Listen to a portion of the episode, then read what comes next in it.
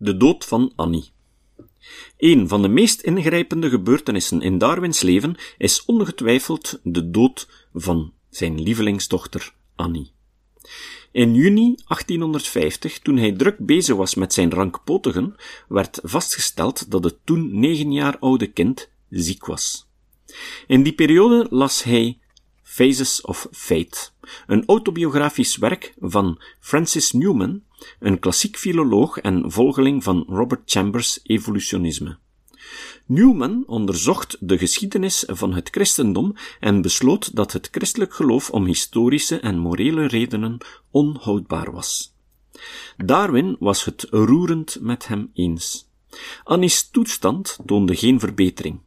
Darwin besloot haar naar Malvern te brengen, waar hij zelf in 1849 een waterkuur had ondergaan die hem, tenminste tijdelijk, had geholpen. Haar gezondheid bleef echter achteruitgaan. Ze stierf op woensdag 23 april 1851, net tien jaar oud. James Gully, de arts van het kuuroord, gaf als oorzaak een gemene koorts met tyfoïde karakter. Desmond en Moore schrijven: Dit was het einde van de weg, de kruisiging van al zijn hoop. Hij kon niet geloven op de manier waarop Emma geloofde, noch wat ze geloofde. Er was geen strohalm om zich aan vast te klampen, geen beloofde heropstanding. Het christelijke geloof was futiel. OC, pagina 384. Op 30 april schreef hij een ontroerend in memoriam, een manier om de dood van zijn dochter te verwerken. Opgenomen als appendix 2, The Death of Anne Elizabeth Darwin in Correspondence, volume 5, pagina's 540 tot 542 en appendix 2 van de Nederlandse vertaling van de autobiografie. Darwin-ontkenners menen eensgezind dat het, in de woorden van John Moore, misschien het mooiste en zeker het meest intense emotionele stuk is dat hij ooit zou schrijven. 1989, pagina 218. Tijdens de laatste periode van haar ziekte, noteert hij, was haar gedrag gewoonweg engelachtig. De dag voor het in memoriam had hij in een brief aan William Darwin Fox zijn neef, de dood van Annie medegedeeld. Hij schreef onder meer: God zij dank leed ze amper en sliep ze rustig als een engeltje in. Brief van 29 april 1851. Janet Brown merkte over dergelijke uitspraken op: Daar lag de echte pijn. Darwin geloofde niet in engelen. Hij kon geen enkele troost putten uit de idee van een leven na de dood of van verlossing. 1995, pagina 502. Annie's dood was een keerpunt in zijn houding tegenover het christendom en tegenover de natuur.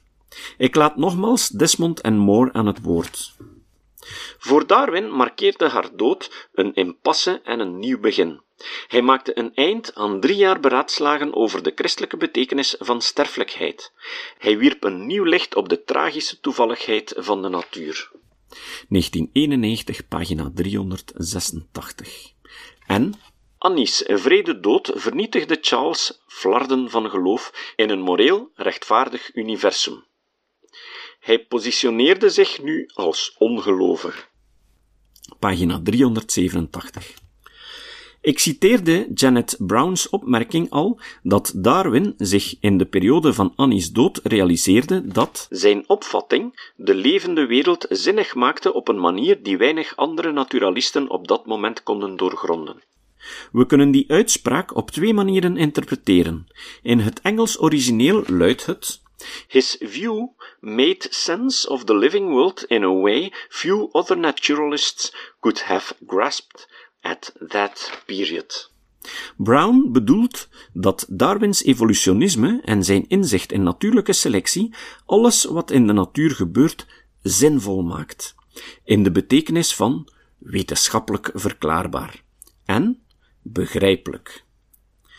In verband met Annie's dood ondergaat de zin van de levende wereld evenwel een paradoxale en wrange betekenisomkering, en dat is de tweede filosofische interpretatie van het citaat de zin van de levende wereld of van het leven zelf, wordt vanuit het perspectief van evolutie en natuurlijke selectie klaar en duidelijk. Er is eenvoudigweg geen zin, en het is dan ook zin of betekenisloos om naar de zin van het leven te zoeken of te vragen buiten de context van het eindige en beperkte menselijke leven. Meer dan om het even welke andere naturalist in die periode begreep Darwin de zin van de levende wereld. Maar hij snapte ook dat het leven zelf, en a fortiori elke gebeurtenis die pijn en leed teweegbrengt, volstrekt zinloos is. Voor Annie's dood kon hij nog aannemen dat de enorme hoeveelheid ellende in de natuur, of in het leven, een betekenis had. Na Annie's dood kon dat niet meer. Haar dood, haar lijden en het leed dat haar dood teweegbracht, waren volkomen overbodig, zinloos en absurd. In de betekenis die een twintigste eeuwse auteur zoals Albert Camus daaraan hecht. Darwin zag ten volle in dat een doelgericht of doelmatig antwoord op de vraag naar het waarom van het kwade niets betekent. Elk denkbaar verklarend of zingevend antwoord op een dergelijke waarom, of waartoe, vraag kan uitsluitend fictief zijn. Het enige mogelijke antwoord luidt dat er geen functioneel antwoord is. Vanzelfsprekend zijn er voor Darwin mensen geweest die over leed en zingeving dezelfde opvattingen hadden. Maar Darwin was de eerste die dit inzicht, dat hij zelf gruwelijk en beangstigend vond, wetenschappelijk kon verantwoorden. Aangezien hij diegene was die het mechanisme ontdekte dat tot compromisloos existentialisme leidt, namelijk natuurlijke selectie. Vanuit dit perspectief krijgt de volgende uitspraak van Janet Brown haar volledige betekenis. 1995, pagina 503. De Bijbeldoctrines waarin Emma troost vond, waren hindernissen die hij niet kon nemen, ook niet na de geëxalteerde gevoelens van de Beaglejaren, ook niet met het overweldigende verlangen in een leven na de dood voor Annie te geloven, of met zijn affectie voor Emma, of zijn resterende, vliedende hoop dat het allemaal waar zou kunnen zijn. Zwaarmoedigheid deed zijn intrede. De geleidelijke vervaging van zijn religieuze gevoelens doorheen de jaren, de ontluisterende onthullingen van zijn aantekenboekjes en de goddeloze wereld van natuurlijke selectie die hij ook dan nog aan het creëren was, kwamen meedogenloos tegenover de leegheid van het verlies te staan. Gedurende de daaropvolgende maanden werd Darwin zekerder, stabieler in zijn scepticisme. Geleidelijk aan veranderden zijn theologische twijfels in overtuiging. In zijn autobiografie schrijft Darwin dat velen in het bestaan van God geloven door intense gevoelens van verwondering, eerbied en devotie. En door een diepe innerlijke overtuiging te ervaren. In het verleden had hij zelf ook dergelijke ervaringen, zoals tijdens de reis met de Beagle, toen de grootsheid van het Braziliaanse regenwoud hem overweldigde. De hierdoor opgewekte gevoelens brachten hem tot de overtuiging dat er meer is in de mens dan alleen zijn adem. OC, pagina 83. Reeds in zijn Diary of the Voyager of HMS, Beagle, noteerde hij hierover onder meer het volgende. Het is gemakkelijk individuele objecten van bewondering precies te omschrijven, maar het is vrijwel onmogelijk een adequaat idee te geven van de eronder aangewakkerde hogere emoties. Verwondering, verbijstering en sublieme devotie vervullen en verheffen de geest. 1836, volume 1, verzameld werk, pagina 53.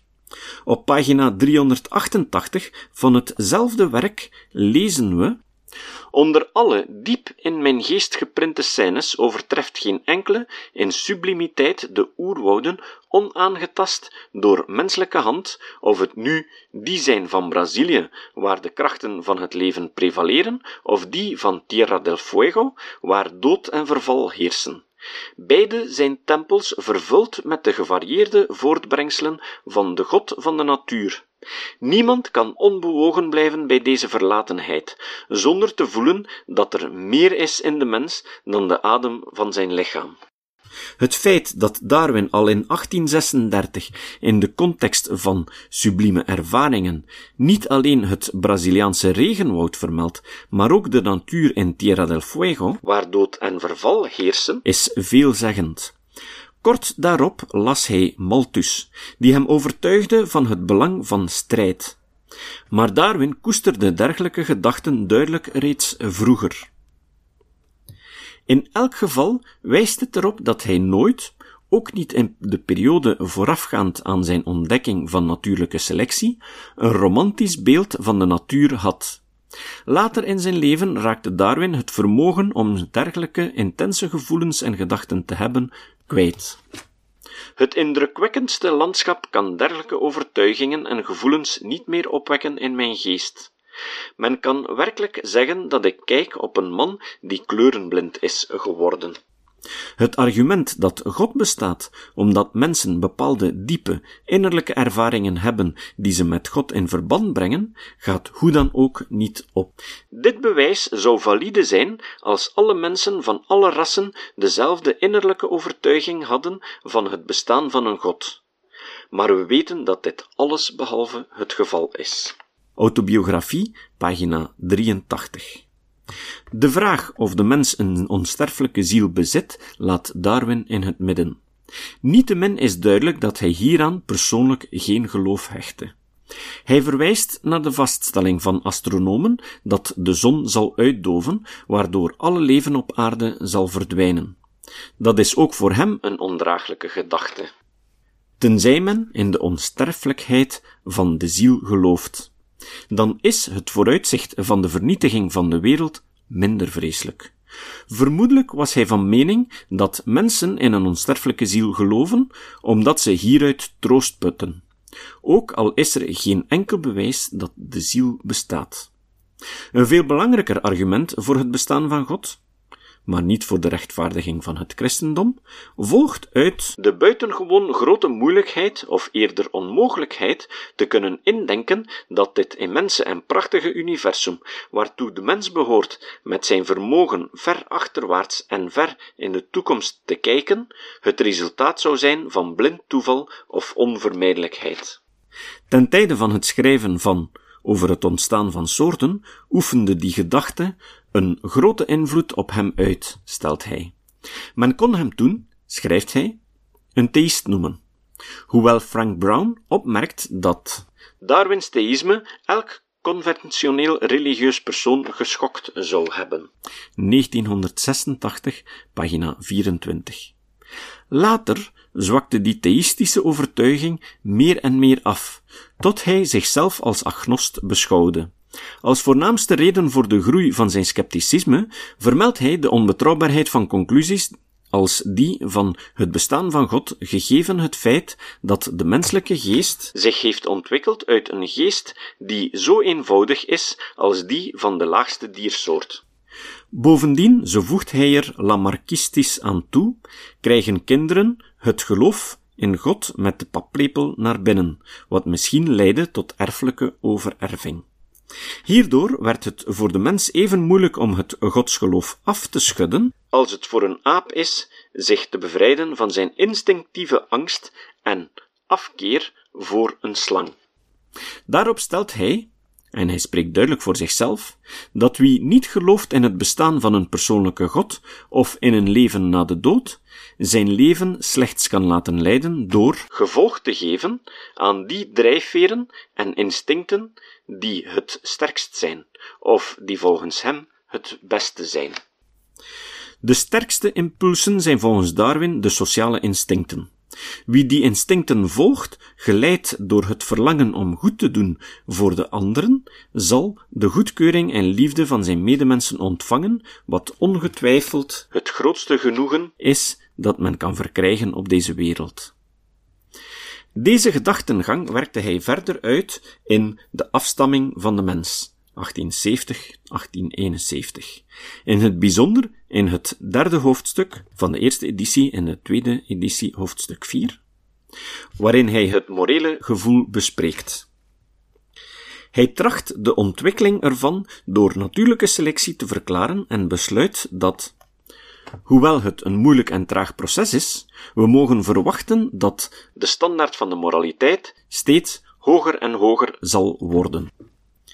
Die verhoging ontstaat niet door de werking van natuurlijke selectie, maar door de culturele uitbreiding van de sociale instincten en van het gevoel van mededogen naar een steeds breder wordende kring van mensen en dieren. De reden kan iemand tot daden brengen die anderen afkeuren, maar dan zal die persoon toch nog de bevrediging voelen, tenminste zijn innerlijke gids, zijn geweten, te hebben gevolgd. Over zichzelf noteert Darwin ik denk dat ik er goed aan heb gedaan mijn leven aan de wetenschap te wijden.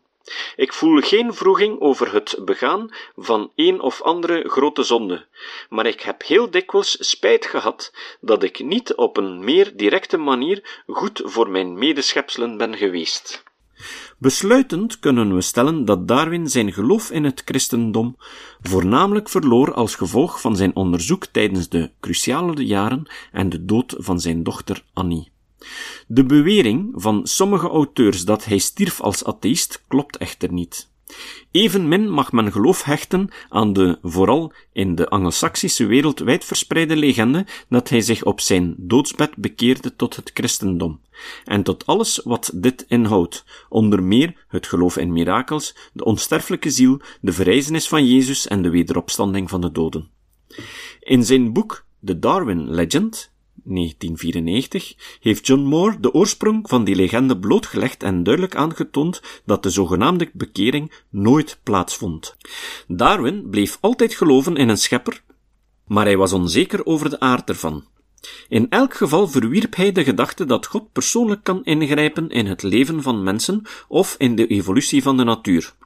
God ligt misschien aan de basis van het bestaan van de natuurwetten maar hij programmeerde die naar alle waarschijnlijkheid niet met voorbedachte raden.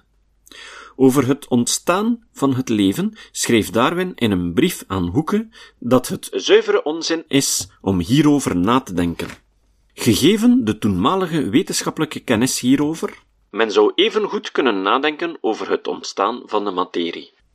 1863, geciteerd in Brown, 1986, pagina 22. Maar in een brief die hij acht jaar later schreef, speculeert hij over het ontstaan van het leven in een warme, kleine vijver waarin door licht, hitte, elektriciteit enzovoort een eiwit kan ontstaan dat vervolgens meer complexe veranderingen kan ondergaan. Geciteerd in De Beer OC, pagina 271.